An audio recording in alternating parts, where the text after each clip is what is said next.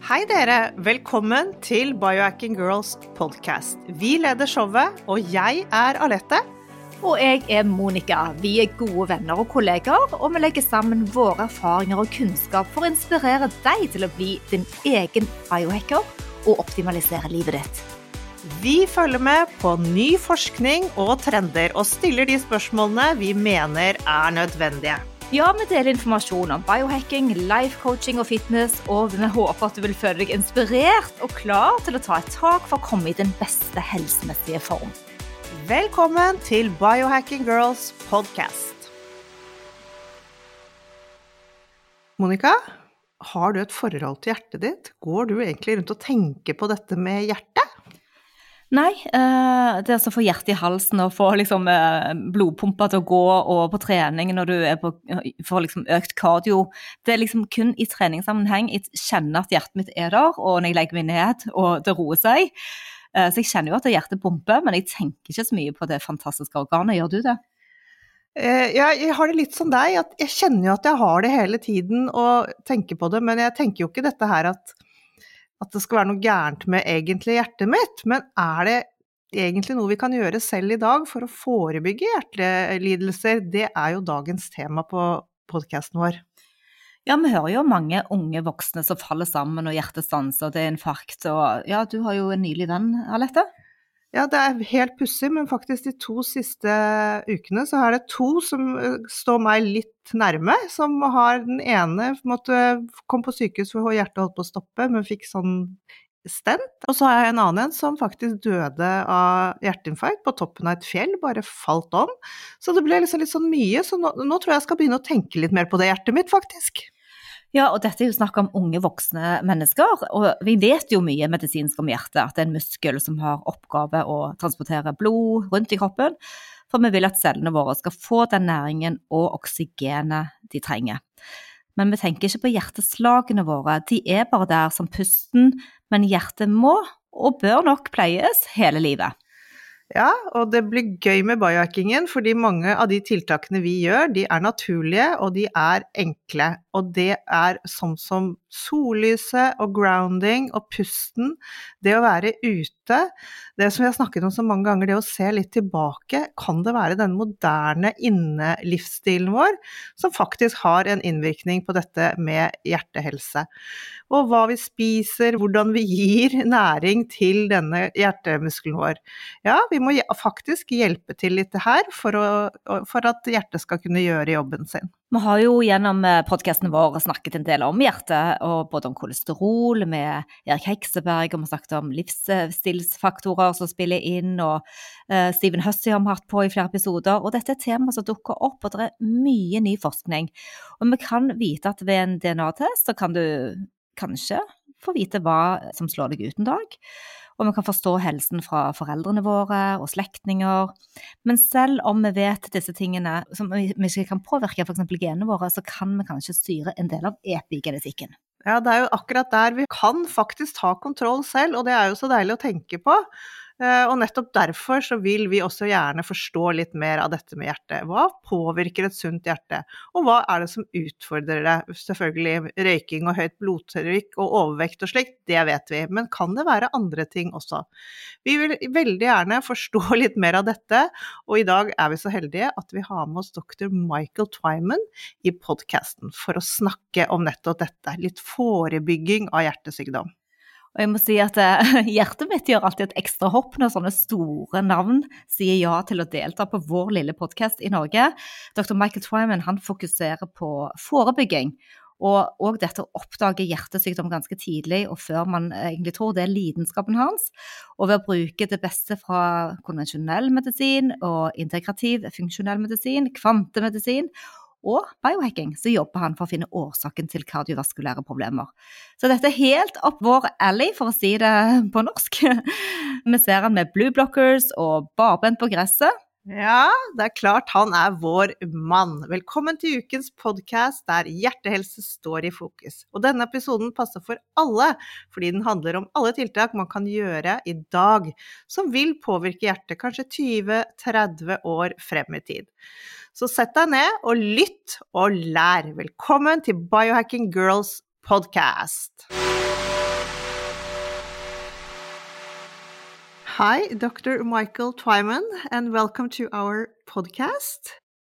Thank you for the opportunity. We we actually heard you now in so many podcasts, interviews, and yeah, we're kind of starstruck that you actually said yes to visit our podcast here in Norway. Thank you so much for that. Well, you're very welcome. I got to visit your uh, lovely country a couple months ago. Had a lot of fun up there uh, biohacking. So, oh, oh, did you go cold exposure and all the things? With where did you go? We were mostly in Finland. We were in uh, um, Utsjoki, and we were going there for the Northern Lights. But uh, there was a day in I'm not. I'm sure I'm mispronounce it, but Gonyes is how how you pronounce it. It's the very northern tip. Yeah. Um, there's like a sea uh, village, and we went deep sea crabbing, and then then we got to go do some sauna, and then uh, jump in the ocean and uh, do some cold exposure. So had a great time there. Wow, is that uh, very different from how you do your cold exposure back home? Yes, because usually there's not snow on the beach when I'm doing that. So it's usually, uh, yeah, cold shower, cold uh, bathtub. yeah. Wonderful. We are so glad to hear. Maybe you will come back and visit us again here in Norway. Um, so let's start with your background. Uh, what led you to this, uh, to, to, to, the business and the understanding of the heart? So I've always been interested in medicine. I think since the fourth grade, I really was considering going into medicine. And then once I got into medical school, you know, you get exposed to different uh, specialties, and eventually kind of landed upon that the heart was the most interesting organ. And then I also really liked what cardiologists were doing. You know, they had a day that was never the same. You know, they got to take care of really sick patients in the ICU or in the cardiac catheterization lab and do procedures.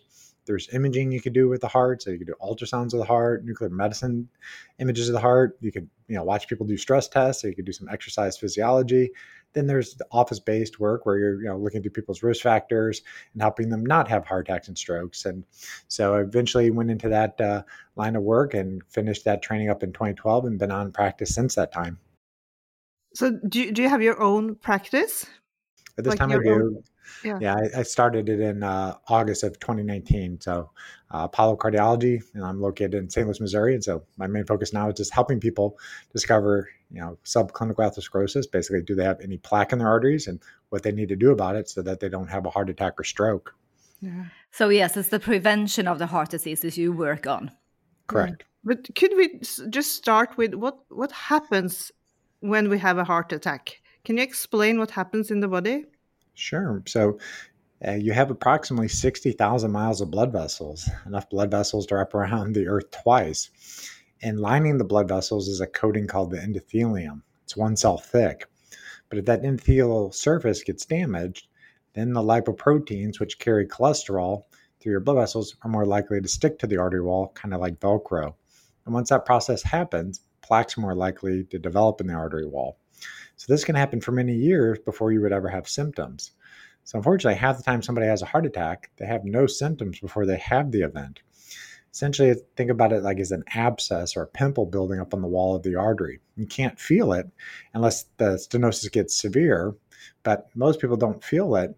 And when these plaques rupture, the blood will clot. And when the blood clots, it blocks all the oxygen nutrients going downstream, and that's what causes the heart attack. Oh, so heart attack is that kind of like a silent uh, disease that goes on for several years, like with diabetes. So you you don't know until you have the heart attack. Often that is unfortunately the case. Is that you know by the time you have symptoms, the, you know it's been going on for many many years, and some people develop slow enough that you know can get caught before they have you know a heart attack or stroke. But in half the cases, that person had no signs that they're going to have a heart attack until that day came and you know woke them up with chest pain, shortness of breath, or you know something else worse. You know, sometimes people have sudden cardiac death. That's the first sign that they have any issues that you know going on with their heart. So, what are the biggest risk factors for the heart diseases? Well, the top five biggest ones are high blood pressure, high quote cholesterol. We can talk deeper into that, you know, going forward. Um, diabetes, smoking, which fortunately less and less people are doing these days. I saw a report recently that only 11% of Americans are still smoking. And when I was first going into training, it was somewhere in the neighborhood of 20, 25% of Americans were still smoking. And then also just uh, obesity. Um, but that's more complicated. You know, it's not that you're over fat, it's more likely, as my friend says, Dr. Lyon, that people are under muscled. And that just really has an effect on their metabolism. So those are the top five risk factors for cardiovascular disease. But there may be north of 400 risk factors. And it's the damage to the lining of the arteries that kicks off this cascade. So this protective lining, if it gets damaged from one of these 400 risk factors, then the plaque's more likely to start building up. So you have to really look at the health of the arteries in addition to what's floating through the blood with you know that's what biochemistry or i should say you know looking at blood work would tell you to do you know. So heart disease is more complicated than just high cholesterol or high blood pressure. You got to look at a few more things. But how do you test this? Do you do something in the clinic at the apollo clinic to see what kind of uh, situation you are in heart wise Correct. So, you know, in the traditional world, you don't usually meet a cardiologist until you're having a heart attack or you start having symptoms. And by the time you have symptoms, you know, they're going to do an EKG, look at the electrical activity of the heart, and they'll do a stress test. You know, they'll put you generally on a treadmill and they'll run you and see can they recreate your symptoms. Do you have chest pain, shortness of breath while exercising? And they'll look at, you know, either EKG changes or maybe look at some echo images of your heart to see does the heart squeeze well with exercise. But by the time you fail a stress test, you generally have a 70% blockage in one of your arteries. So you're pretty late to the game. So in my practice, I really want to look way upstream. So I'm looking at the health of the endothelial glycocalyx and the endothelium. There's non-invasive devices that we have in the office that look at the elasticity of the arteries. You know, the arteries should be like an accordion. So when the blood goes into them, they should expand and contract very quickly. We can assess that with a probe that just fits on your finger. Another device called the EndoPAT that looks at you know, how much nitric oxide can your arteries make? Because it's really about how much nitric oxide the arteries can release. Nitric oxide is a gas that causes the muscle in the artery to relax. So that keeps flow normal and that keeps blood pressure down. So you can assess that with these type of devices. And then we have other things that can look at soft plaque or inflammation in the artery walls with certain ultrasounds of the arteries. But you know, we always want to look at the actual health of the artery and then, of course, then we're going to do the kind of the advanced blood work panel where we're looking at two, three hundred different you know biomarkers to say, okay, what's floating around in your blood right now, and you know certain genetic markers sometimes put people at increased risk. So often we'll check that, and people have uh, you know strong family history, or we start finding stuff on this testing. Say, hey, you likely already kind of a little bit later to the game with this plaque in your arteries. This is why this is going on, and what we need to do about it. But, but since you work with preventive medicine, who are your clients?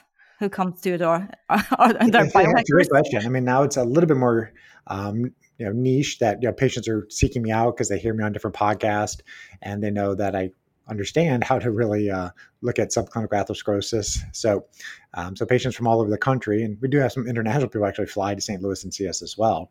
Um, but most of the people are generally going to be, you know, 40 years old, uh, maybe about 65 years old. That's kind of the, you know, the, the niche where I mostly fall in. But I have people younger than 40 who have like strong family histories and they're kind of more into the biohacker health optimization community. So some guys in their 20s are like, you know, I want to optimize my sleep or, you know, teach me more about jet lag mitigation. So I teach them those things and say like, well, we're going to do that. And this is going to help you later on when, you know, need to start getting screened for more of the cardiovascular risk factors as well.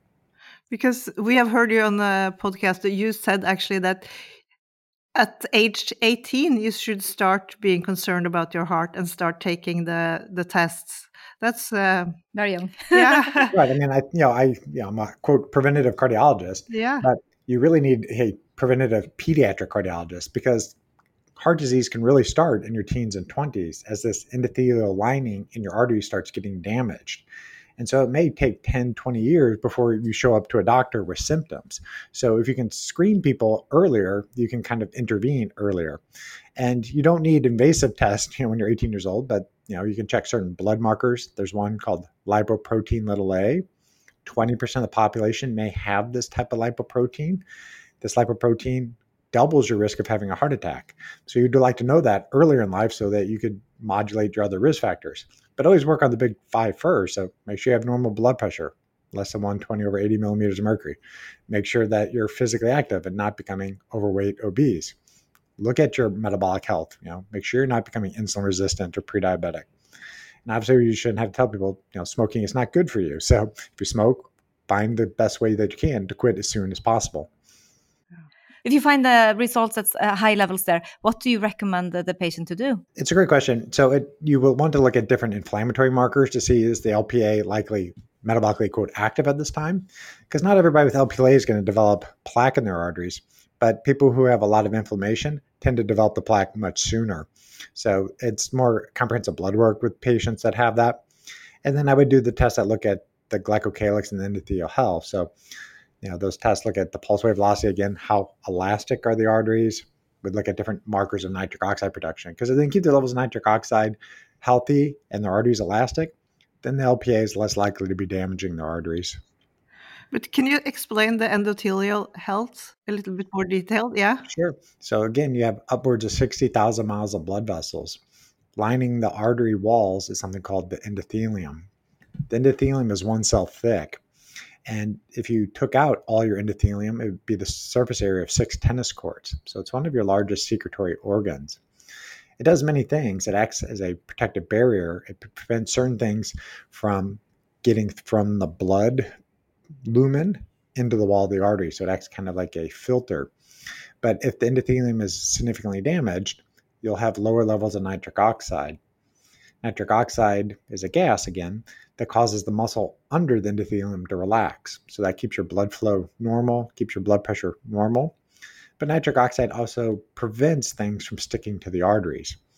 So if you have high levels of nitric oxide, the white blood cells, the platelets, and the lipoproteins, which are carrying the cholesterol through your blood, they won't stick to the artery wall and they won't get stuck in the artery wall and kick off these inflammatory cascades that ultimately lead to plaque. So it always starts with endothelial health.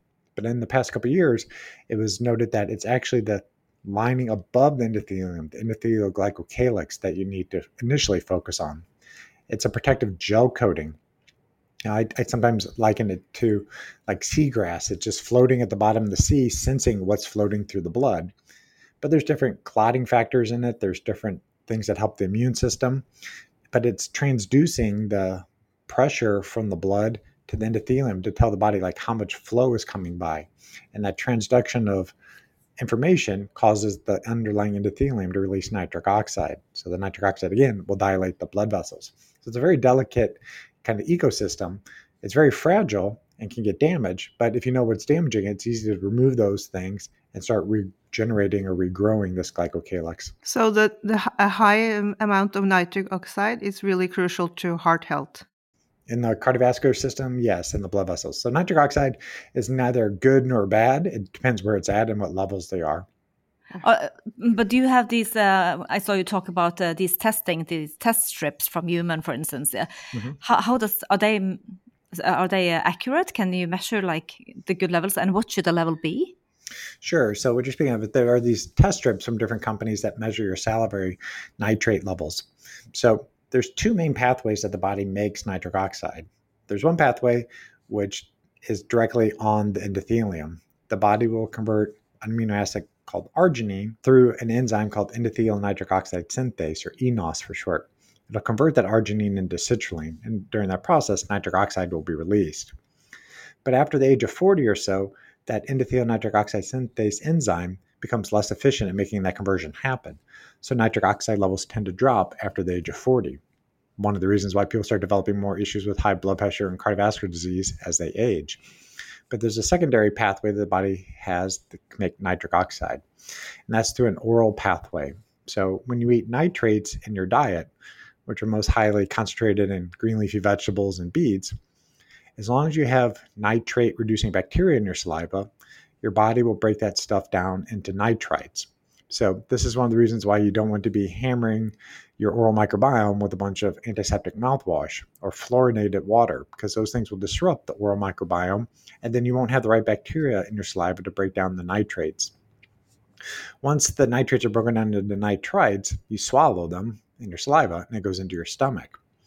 You need stomach acid to make the final conversion that will ultimately lead to the process of more nitric oxide production.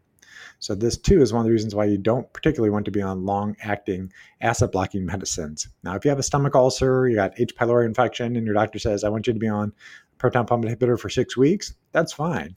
But it's being on these things for multiple years in a row that can become a problem, because without stomach acid, you can't break down protein, you can't make enzymes as efficiently, and without the enzymes working, you're not going to make nitric oxide. So if you break both of those pathways, the pathway that's on the lining of the artery and your salivary pathway, then that's when cardiovascular disease really tends to start showing up. There are companies that make these test strips where you can put saliva on them and they will change color, kind of like litmus paper. You know, if the you know the color strip is white, then you're low in salivary nitric oxide. If it's bright red, then you're high in salivary nitric oxide. But there are some people that the levels never change to red. I'm someone that's in that camp. You know, I have healthy arteries by all the testing that I can do. I take certain nitric oxide boosting supplementation. I exercise routinely, get proper UVA sun exposure. My salivary strips are generally always low. So I've kind of changed my tune on them in the past few months where it's that, you know, if you do these test strips and you've had normal results before, your levels are red and then they go white, then you got to kind of look in your environment. Okay, what broke it? You know, did you change toothpaste, drinking water, you know, you're eating different foods, you know, you can try to figure out, okay, what's going on with it. But if your levels are always white, I don't put much faith in them anymore. Oh, okay, nice to know. Good to know, yeah. But uh, is there any supplements uh, that actually can uh, um, affect or affect the nitric oxide? There's a few different companies that make some high quality products that will uh, produce nitric oxide. You know, there's two companies that make different lozenges that when they dissolve, they release nitric oxide, and then when you swallow them, it helps recouple the endothelial nitric oxide synthase enzyme. So basically, it makes your body more efficient at making nitric oxide on the lining of the arteries. And there's a couple companies that make different um, capsules as well that can do that. So, uh, so it really depends on um, you know patient's biochemistry, their you know, where they're located, you know their accessibility to getting these things. But there's at least three or four different products that I routinely use for patients that you know support nitric oxide. Uh, could we just go back to the thank you? Could we just go back to the plaque? The plaque. Uh, do you see that happen uh, at a certain age in people, or is there some people who never get any plaque? It's a great question. You know, the, the, the number one risk factor is going to be aging. Um, but there are people that have no, you know, significant plaque, you know, in their arteries in, in, their 80s. But I've also seen, you know, patients in their 20s have heart attacks. Um, not common, but I've seen a few of them. So that's why it's a test, don't guess type of philosophy. Because just looking at somebody from the outside, you really can't tell what's going on with their artery health and one example I frequently use on podcasts is Bob Harper, the uh, trainer from The Biggest Loser TV show. He was a very fit individual, but at age 52, he had a heart attack while working out in the gym. And if it wasn't for a medical student who was there and witnessed it and provided CPR and actually used an AED to shock him, um, Bob Harper probably would not have lived. You know, he had a massive heart attack, got a stent to his left anterior descending artery, and two days later woke up in the ICU wondering what had happened.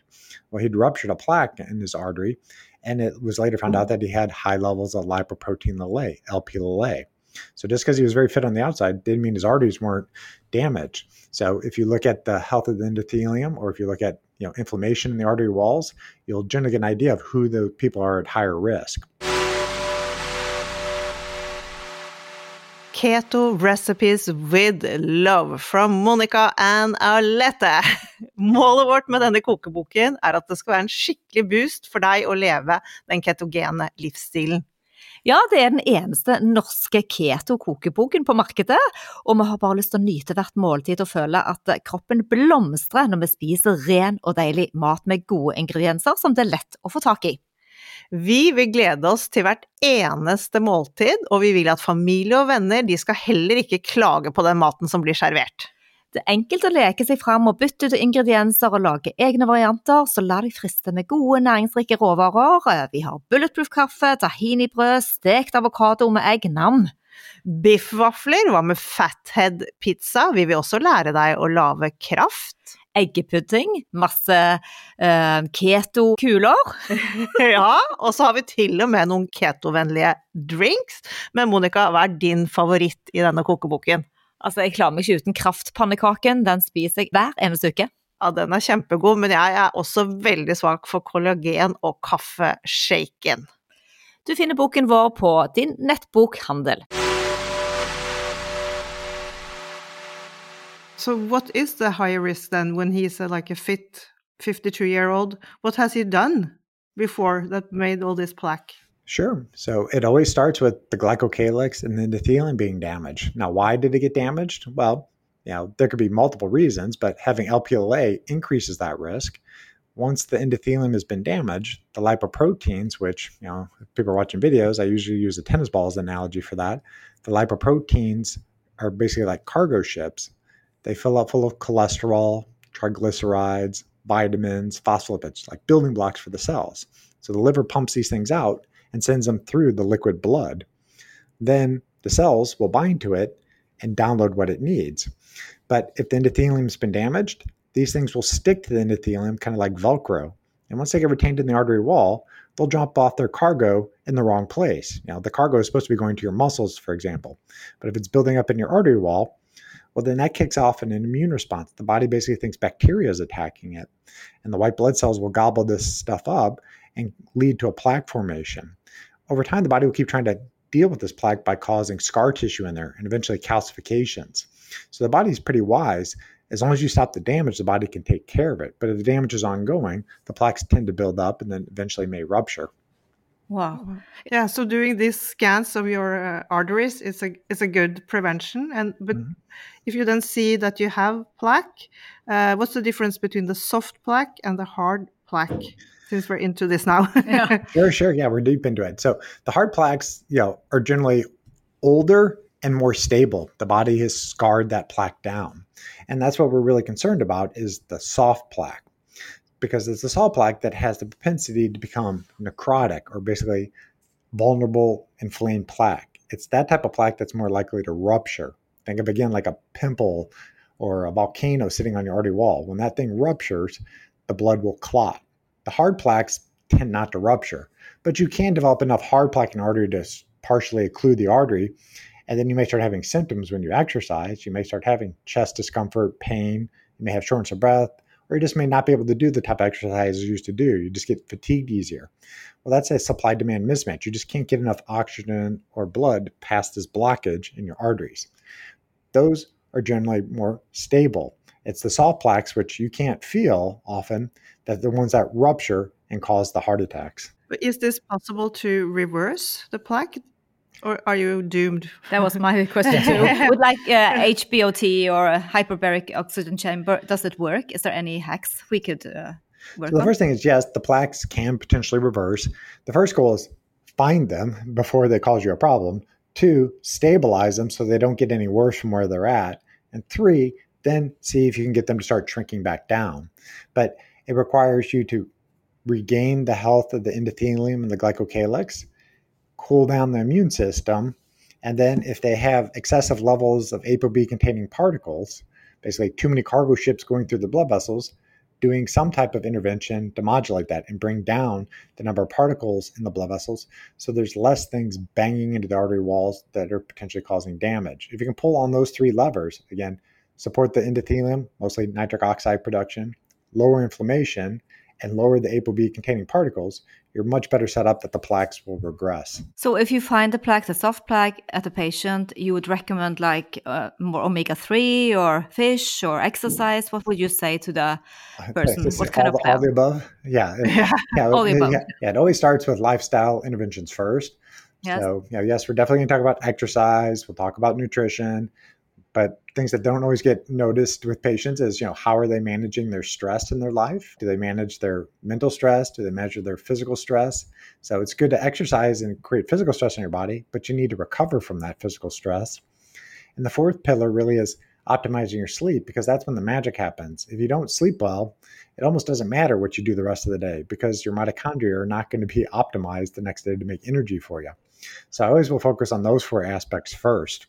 But to the you know supplementation. Well that's mostly going to be based off of you know what's you know in the blood work that i do with the patients. There's a test called the omega check or the OmegaQuant where you can look yeah. at how much omega-3s that their red blood cells are absorbing. So if a person's eating seafood three four times a week they should have optimal levels of omega-3 without supplementation you know, will I supplement people? I will on occasion, but you always want them to try to do it the more natural ways. Of course, yeah, instead of supplementation. But to explain the plaque, is it like the wrinkles? Because you talk about aging. Could you like consider those uh, um, changes like wrinkles?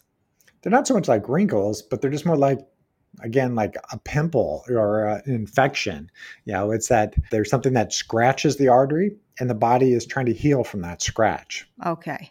Is there always plaque when people have a, heart attack? It's a great question. No but the majority of times yes. You know there's other cases where the person can have a uh, spontaneous coronary artery dissection. Basically they have a tear in the artery lining and the blood will clot and cause a heart attack there's people that can have a heart attack, you know, without plaque. You know, it can be microvascular dysfunction, so the small blood vessels 99% or so of your blood vessels are less than the diameter of your hairs. So, you know, that's not, you know, arteries big enough for stents or bypass surgery. Those are things that, you know, you would just treat with lifestyle, medications, and supplementation. Some people can have heart attacks because of that. There's also cases where people can form spontaneous blood clots inside their arteries, you know, or they thrombus, you know, from other locations and it, you know, goes into the arteries. Those aren't common. So fix the common things first, and then uh, take care of the uh, the zebras, as we say in medicine. Yeah, because here it seems like, uh, or in many places, it seems like it's so much easier to just go for the statins instead of considering all the other interventions first. But what is your take on statins now? Uh, I mean, this is a long discussion, but I mean, there's there's probably some cases you absolutely need statins. But do you use them at all? Yes, I mean I use them, and yeah, I use any tool that works, but I always match the tool to the job. Um, so the people who benefit the most from statins are people who've already unfortunately suffered events. They've already had a heart attack, a stroke. They've already got stents. They've already had bypass surgeries. Those patients, you're just trying to prevent them from having second events or dying earlier. And there's great data on secondary prevention using statin therapy. But it's more in the weeds when people are trying to do primary prevention. So somebody who has just quote high cholesterol no known plaque in their arteries, no prior events, yeah, are they the right candidate for statins? And I'm always going to say it's a big, it depends. No, statins should not be in the water. Everybody should not be on one of these things. But there are people that will tend to benefit, and you have to match it to that person. And so, in my practice, you know, I will check certain blood work before I will recommend them. I want to know that person's ApoE genotype. I want to know what is their CoQ10 level, their vitamin D levels, their thyroid levels. All those things having a role on, you know, is the likelihood of them to be able to tolerate a statin high or not? Because that's number one concern with statins is that some people just cannot tolerate them, mostly due to muscle symptoms. Know, anywhere in the published data, 5% of people can't tolerate them, but it may be up to 30% or 40% in clinical practice can't tolerate the highest doses of them. So you don't always need to go with the highest doses of the most potent statins to get benefit you're mostly wanting to use them to stabilize plaque. So take the soft plaque and make it firm, lower inflammation. They support endothelial function, so they help nitric oxide production. They will lower cholesterol production in the liver, so the body will make less lipoproteins to carry that cholesterol around the system. And they modulate the LDL receptor, which is basically the cargo ship dock on the liver that's grabbing these things as they float through the bloodstream and pulling it back down into the liver. So they have multiple uses. So you want to use the right tool for the job. So that's kind of a long about answer is that like, you know, do I use them? Yes. But do I use them in everybody? No. So we're all bio individual, yes, of course. Correct. But let's get to this prevention. What what can we do to prevent the heart attack? What's the role of vitamin D and K2? Both good questions. But I always start first with it starts with light. So you guys are doing great. You got your blue blocking glasses on. I have my on. You know, I've been you know, wearing the glasses since at least 2017 when I realized the importance of circadian biology.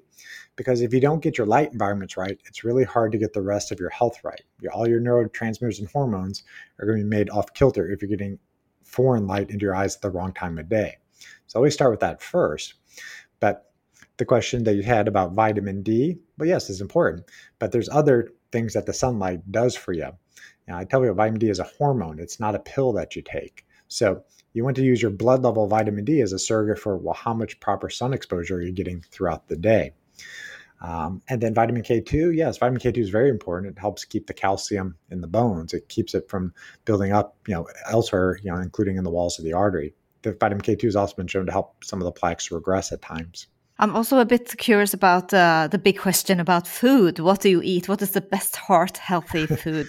Is it Mediterranean? Is it uh, saturated fat? Yeah, there's so many um, things to uh, choose from these days. Correct. And it is complicated. You know, if there was a right diet for everybody, we'd all be doing it. And so that's why most time, if you see my social media or a podcast, I'm not diving deep into nutrition because it is, again, bio individualized. You know, one, I want to know what is that person's maternal haplotype. You know, I want to know about their mitochondria. That's probably not the first thing people think about when they think about nutrition is their mitochondria. So that's why behind me on my wall, I have a giant mitochondria in my office. Mm, yeah. That is something I teach my patients. You know, you really think about nutrition as something where you're fueling the mitochondria. Those are your engines. So you want to know, well, how healthy are your engines? You get your mitochondria only from your mom. You can get this information on 23andMe or some of the other genetic testing. So that somewhat determines, you know, what is your baseline best options to start with food. There are different types of maternal haplotypes where you can have tightly coupled mitochondria or uncoupled mitochondria. But the best way to think about it is that tightly coupled mitochondria are more equatorial mitochondria. They tend to tolerate higher levels of carbohydrates because they have stable light environments. They have 12 hours of sunlight, 12 hours of darkness, and carbohydrates grow 365 days a year. The people who have uncoupled haplotypes are tending to be more Northern European, where you are located. So when I was in Finland and Norway in February, I was at the 70th latitude. There was nothing growing up there at that time. It was cold, dark, and the only thing I saw were reindeer running around. So you eat a lot more protein and meat in the winter when there's no access to carbohydrates. So that's why there's not a perfect diet. It depends where you physically live in the world and what your mitochondria are capable of absorbing essentially from your environment. Because food is essentially, you know, stored up sunlight is one way to think about it. So you're either eating a plant that photosynthesis grew, or you're eating the animal that ate the plant. And then it's the job of your mitochondria to break that food back down into light, essentially. What a great answer. oh, That's why it's complicated. People always want to say, like, is Mediterranean best? I'm like, that has the most data for cardiovascular health prevention, but it's more complicated than to say everybody should eat a Mediterranean diet. but you would consider like allergies or like some kind of poisoning or uh, toxic overload. You would look at these things, of course, even though you don't. Yeah. Oh, sure. Yeah, definitely. Yeah, certain sensitivities. You know, there are some people that are sensitive to gluten, dairy, soy, but you know, you want to kind of start with the basics first. So my basics are eat seasonal, eat what would locally grow in your environment if possible. Eat during daylight hours. Your body wants to always know is it daytime or nighttime the two biggest zeitgebers or time givers are the light that enters your eyes and the time the nutrients come into your system. So I don't know how you guys actually do it when you have 24 hours of light and 24 hours of darkness, but you have to. I don't know either. but I think you have to kind of tell the body, you know, I'm only going to eat within a 12 hour window or eight hour window or whatever you want to do. So the body just gets the cues from the food that, hey, this is what I'm considering daytime right now. And then, you know, we talked a little bit about omega 3s earlier. That's a critically important nutrient for brain health, heart health. So I want people eating seafood to get the omega 3s. Now, it's mainly the DHA, but also the EPA and omega 3s that's beneficial. And then something that's kind of the you know um, forgotten macronutrient because everyone wants to fight about you know high carb, low carb, low fat, high fat, but most people underdose their protein intake. And protein isn't a macronutrient that you're using for fuel. You're not you know breaking it down to make energy in your mitochondria. You're using the amino acids and the proteins that you eat to help build more muscle, you know, more enzymes. Your muscles are your organs of longevity, my friend Dr. Lyon speaks of. So without healthy muscles, you don't have healthy longevity. Yeah, so uh, muscles, what about exercise? Yes, and probably more than people expect. You know, it's probably the best anti-aging or longevity promoting quote drug that you could, you know, engage in. And you know, if you really want to lower the risk of neurodegenerative diseases such as Alzheimer's, exercise is the number one thing to be focusing on. But exercise is a blanket term. What type of exercise? So it's going to be a combination of resistance or strength training, ideally at least three days a week of your major muscle groups. Now, there's cardiorespiratory fitness. So I tend to do it more by zones. So, zone two training is the low and slow type of activity. That's the activity where you can still hold a conversation with somebody. It's you know, going to be rated kind of like a five out of 10 on intensity. So, 10 out of 10, you're sprinting for your life. This should be a five out of 10 or so. And this is the pace where your mitochondria are most efficient at burning fat for energy. Fat has more energy than carbohydrates, but you can't burn fat very fast. So if your heart rate's going, you know, 180 beats a minute, your body can't keep up burning fat at that pace. So it has to switch to glucose burning mode. So you want to be, be able to be a hybrid where you can burn fat or sugar for energy. The low and slow teaches the mitochondria how to burn fat for energy. Once you kind of got those baselines down, some zone two cardiorespiratory fitness and strength training, then that's when you would layer on interval or sprint type of work. But how much? Well, if it's just for general well being, probably only once a week is all you'd really need to do to train that VO2 max, you know, your peak ability to extract oxygen and make energy in your mitochondria. You know, if you're an athlete training for an event, yes, you're going to be doing more type of sprint work. But the other type of exercise, and I can you know definitely tell you I'm uh, deficient in doing it well enough is doing more stability or balance training. You know, when you're middle age, you don't think about falling, but falling is a high risk event. Um, you know, as you age. And this past weekend, um, I was out, you know, in public, and uh, a lady had fallen. Um, she, you know, uh, was 92 years old. Later to find out, but she, you know, completely fractured her arm. She probably broke her shoulder as well. You know, she was very thin and frail appearing. So she didn't have a lot of muscle mass. She had sarcopenia. So, you know, this is something that she probably didn't plan when she was 70 years old that, hey, when I'm 92, I'm going to fall and completely destroy my right arm. She has a very long recovery ahead of her. So it's all about prevention. So I'm, you know, preventing heart attacks, but you really need to focus on your muscle health as you age as well. Uh, we totally agree on that. But uh, do you think the heart has a preference between glucose or ketones, or like the mixture of it? What's the best uh, when even with workout, but with foods? Do you have any uh, thoughts about that? The heart would prefer ketones if it has access to them, but it's a hybrid. It'll burn whatever it needs because the heart is beating 60 to 100 beats a minute 24 7 all the days that you got on the earth. So it, it's a very energy uh, hungry organ. That and the brain are the two major organs that have the majority of mitochondria. Um, so, you know, you want the heart to be able to burn both sources. Um, but you know, food wise, you know, again, it depends on you know your other uh, environments. You know, so seasonal, time restricted, and you know, fats. You asked me earlier about saturated fat. Saturated fat's neither good nor bad, but there are some individual differences for some people. Um, there's a lab company that can assess how are you're absorbing the different saturated fats that you eat in your diet, and it can see if you're having issues with the way that um, your body's making lipoproteins based off of it.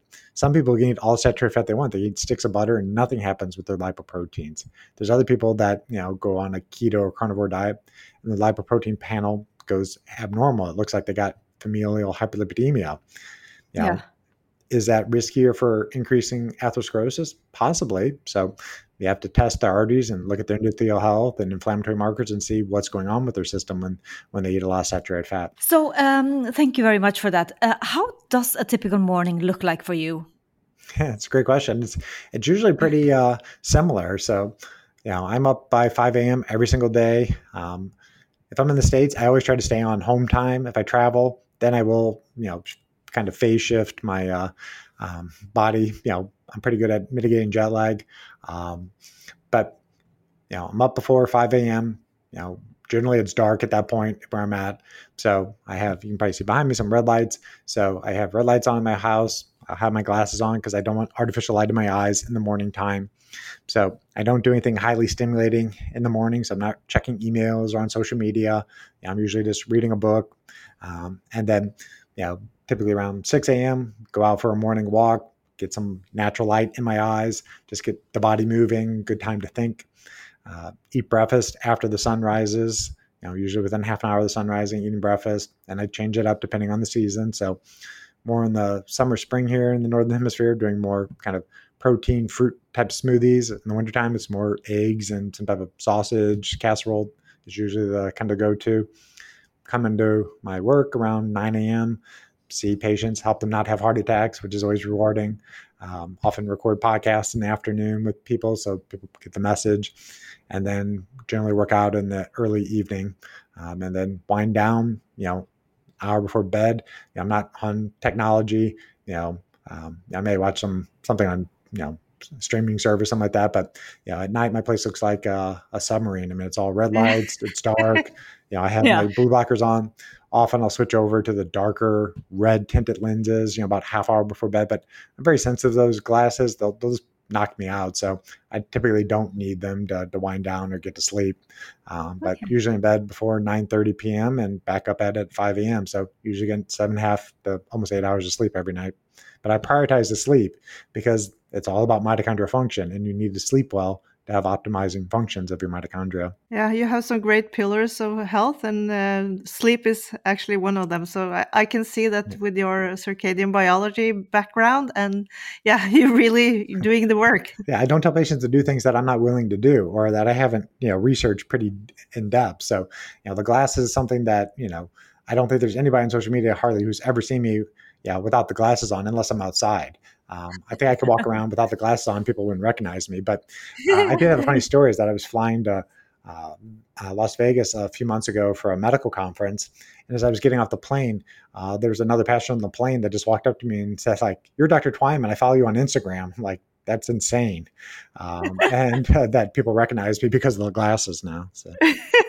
How, how, many pair of glasses do you have, and how do you uh, shift from the yellow to the to the red? Do you use them all day?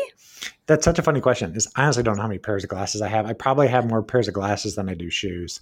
Um, but um, but I kind of play around with them based off of yeah what style I want to kind of uh, rock that day. I, I, tend to like these gold frame ones when I'm doing podcasts. They're just uh, um, kind of interesting visually, and people will ask more about them. But I basically you know consider these indoor sunglasses. So in my office and at home i'm very tight in the way my light environments are set up. You know i don't use a bunch of artificial lighting. Um, i have different red leds in the house you know and night lights that come on you know if you uh, are walking through the hallways. But when i'm out in general public and you know the grocery store or something like that well then i'm always going to have my quote indoor sunglasses on and the yellow tinted ones, I consider kind of your daytime lenses. So from sun up to sundown, these are the ones that you'd want to wear when you're inside, especially when you're in front of technology that has screens. It's because that blue light that comes off your screens is set at the same color temperature is solar noon. Your brain keeps getting hits that it's noontime when you're looking at your technology. So you just want to protect your retina from that high intensity blue light during the day. You still want some blue light to get through there so your brain knows it's daytime. But asking about the red glasses, the red tinted glasses block 100% of blue light and 100% of green light. They basically tell your brain it's midnight. Um, you can basically put them on anytime after the sun sets wherever you're at. But for me, they will make me extremely tired within 30 to 60 minutes. So I don't tend to wear them often. I will take them when I, you know, travel because I want to, you know, be on the plane, put them on the red one so that I know, hey, it's nighttime in Finland and Norway. I want my brain on the plane to start thinking it's already nighttime, so I'm ready to run basically when I get over there. But you know, most time you really only need to wear the red glasses, you know, 30 to 60 minutes before you want to go to bed. But I, I, can see these yellow glasses. Sometimes uh, they give me a little bit of headache if I haven't used them in a few days. I don't wear them every day, but as soon as I get to the computer, I would like to have them on.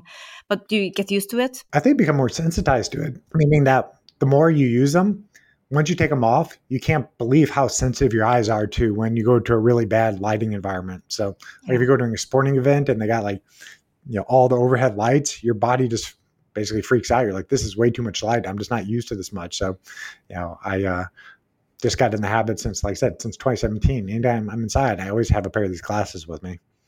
Yeah, and I'm I'm so surprised because both Monica and I we stopped using sunglasses outside, yeah. and how how adapted I am to that now. It's perfect. It, doesn't bother me at all. I don't I, need it. no. Yeah, so that's, that's really yeah. Same way as, and that's I get a question often is like, you know, do I recommend sunglasses? And the answer is you know the, the, default answer is no. You know, there are times and places where sunglasses are probably appropriate. You know, of if you're course. driving a car and you just absolutely can't see because the sun's in your face, that's fine. You know, if you're out mm-hmm. on the water, if you're skiing and the light's reflecting of your course. eyes, you can't see, that's fine. But the default answer should be the glasses should be off. The reason being is that you want full spectrum light to hit the back of your retina to tell your brain what time of day it is. If you wear sunglasses filtering the light to your retina, your brain is going to get, get a different signal of what time of day it is than your skin is. And there's going to be a mismatch of information. So sunglasses for the most people should be default no. But you know, I don't, I can't see through the the glasses what color your eyes are, but you know, mine are blue. You know, lighter color eyes are more sensitive to light. The reason being is that it lets more light in. So I used to be very photosensitive that, you know, second I go outside, sunglasses were on because I felt that, you know, I had to squint or my eyes would tear if the, you know, the light was too bright. But if you slowly get more morning sunlight where there's no UV light and the light is more gradual, your eyes become more sensitized to it. And then within about 10 to 14 days, I didn't feel the need to ever use sunglasses again. And I've been to, you know, Mexico multiple times, you know, in the past couple of years, and I never wear sunglasses down there. You know, yes, I'll wear a hat if you know the sun's right overhead, but you know, I don't want to be blocking the light signal to my eyes when I'm outside. Wonderful, um, wonderful information about that. But also red light therapy. Let's just talk a little bit about that because now we've been talking to you for almost an hour, and you have the red light on all the time. So can you overexpose the mitochondria? How do you use it in the morning before you go to bed? How does it affect your sleep? Uh, share all you all you know. so yeah, photobiomodulation. So using yeah. light uh, to change or modulate your biology. So, the first thing I will say is that you know you always have access to sunlight. The sun is always going to have the right spectrum of light whenever you need it. So, photobiomodulation is essentially a supplement. You know, you know, so you would use it in addition to getting proper sun exposure. So, most photobiomodulation devices are going to be red and infrared because otherwise the light wavelengths are too short and they don't penetrate the skin. The skin, it just bounces off their skin. So, photobiomodulation, there's different ways to utilize it. I have different panels. You know, I have a you know, watch on currently that's flashing on my wrist and it's putting red spectrum of light into my radial and ulnar artery. Um, what is that? What's the name of that? This is the Theralumen. Um, oh, it's just a watch that uh, yeah. helps with light uh, therapy being delivered topically.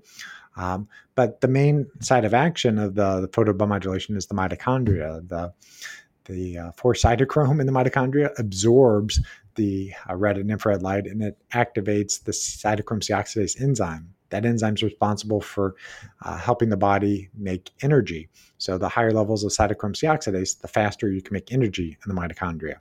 So, the way that the photobiomodulation works is that when the light is absorbed by the mitochondria, it will increase ATP, will increase energy.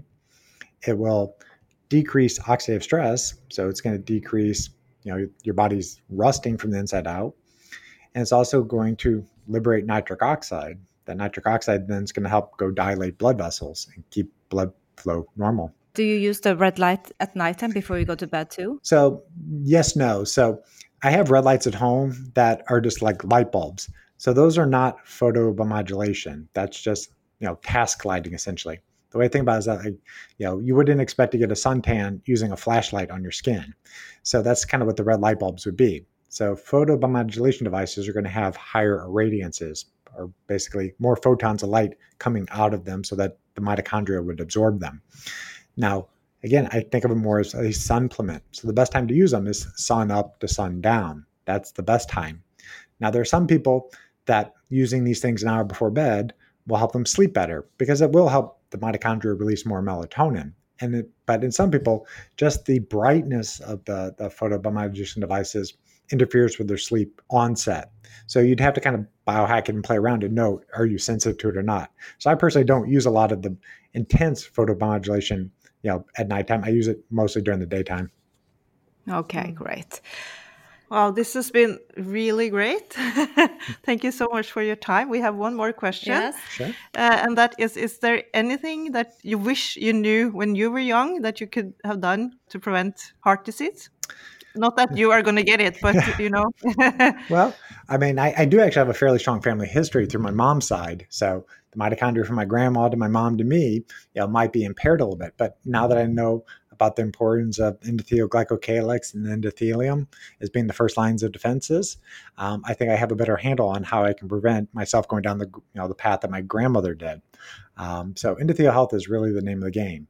You know, if you have healthy levels of nitric oxide, it's much less likely that you're going to develop severe atherosclerosis in your arteries. So I'd always start with that. But if I really wanted to know something early in my life, I would have understood the importance of sleep sooner. So during my medical training, there's oftentimes, you know, I was sleeping in the hospital every, you know, third night. I'd be up for 36 hours straight without sleep. You know, you sacrifice sleep to take care of patients. And when you're in your 20s, you have enough mitochondria reserve to make that happen. But as you age, that type of sleep disruption is significantly going to stress the body. You're at higher risk of cardiovascular disease, diabetes, cancer. So I would put that in people's minds that you want to sleep like it's you know your job because it really is. If you want a healthy lifespan you have to sleep well. So focus on that first. The food and stuff is interesting but sleep is going to be the number one thing you got to focus on. Since we talk about sleep all these measures like the Oura ring and the garmin and the whoop do you think it affects the heart in a negative way in long term? We turn off the bluetooth and we have a flight mode on but sometimes we just feel we should have breaks. 100% i definitely encourage people to take you know tracker breaks. Yeah i'm not currently using any trackers and i used a lot of the the, the sleep trackers including the Oura ring the whoop band and then the biostrap. Um, so i think it's used for people when they don't have their sleep all dialed in so they can kind of see is an issue that you know they're eating too late they're exercising too late you know they're drinking too much alcohol you know it's having an impact on their first part of sleep their second part of sleep you know have you overtrained and not fully recovered that's going to be more your heart rate variability so i think it's useful to figure out what kind of things that break your sleep but once your sleep's dialed in i think it's not necessary to continually use it but you had a good point is that you don't want necessarily to be pinged with Bluetooth all night long because your mitochondria are recovering at night and they're sensing the environment. If the mitochondria are getting pinged with Bluetooth, it'll disrupt the body's ability to heal itself as well. So, yes, I always recommend people keep them in airplane mode. But, you know, I, I tended to like the BioStrap more because it was using red and infrared light to read your heart rate and pulse uh, versus the green lights that come from some of the other devices. Great answer. Yeah. So, uh, and a reminder to all of us. Thank you so much. You have a very nice uh, homepage with a lot of information so people can reach out to you if they want to. Yes, I appreciate the opportunity to speak to you and your audience. Um, you know, if people are interested in learning more about myself, my website, drtwyman.com, has links to some of my prior podcasts and videos. And I'm on social media a little bit. I'm on Instagram. My handle's Yeah. you know Dr. Twyman. Yeah, I, I kind of call social media the matrix. You know, my job is to go onto the matrix, help unplug people who are looking for answers, and get them out into nature. We love your Q and A's on Instagram, so just keep doing that. We learn so much from you. Yeah. yeah. Well, thank Thank you so much for joining us. Thank you. Oh, you're very welcome. Det var veldig mye som inspirerte meg akkurat nå når vi har snakket med dr. Twyman om hjertehelse, og blant annet å bruke disse herene gule brillene på dagtid mye mer enn jeg bruker. Jeg må bare venne meg til å bruke dem mye mer enn det jeg gjør. Hva med deg, Alette? Ja, helt enig, men problemet er jo det at jeg trenger lesebriller, så jeg ser jo helt gal ut, for jeg sitter jo med briller briller. utenpå briller. Ja. Men helt klart, dette skal vi bli bedre på. Eller kanskje ønsker oss briller som har både lesestyrke og fargestyrke. Jeg vet. Men uh, masse spennende informasjon fra Michael Twyman. Han eh, er kardiolog, eh, som dere hørte, og han forklarer veldig nøye hvordan man kan jobbe preventivt på å unngå da hjertelidelser, og se på de underliggende årsakene, og først og fremst forstå både den myke plaktdannelsen og den harde plaktdannelsen, og hva man kan gjøre. Begynne et sted. Gud, så deilig med leger som jobber forebyggende. Det trenger vi mer av. Ja, og så var han jo òg åpen for å bruke mange, mange biohacks for å eh, optimalisere, eh, som alltid sier, helsen vår, og særlig hjertehelsen. Så han, han gjør jo de tingene vi praktiserer. Eh, han gjør det en, i enda større grad, for han hadde på red light hele tiden han, rundt seg. Og han er ute tidlig på morgenen og rusler på, på ground. Det gjør jo vi også, da. Ja, men, men det gjør han som lege. Mm. Så jeg tror at han kan være en veldig sånn god inspirasjon til mange andre leger som eh, lytter til oss på podkasten, og dere der hjemme som hører på. Men eh, vi legger da linker inn under her. Eh, han har en spennende hjemmeside, og følg han gjerne på Instagram, fordi at eh, det er ganske mye kult. Han satt med Metalin Blue, blå tunge, på hele intervjuet sammen med oss, så han er liksom en er Skikkelig biohacker Ja. og veldig, veldig, veldig søtt. Da ønsker vi dere en god uke, men vi kommer med en norsk en liten variant av denne episoden, som ble litt teknisk, på torsdag. Så finn frem blokken og ha en fantastisk uke. Happy biohacking!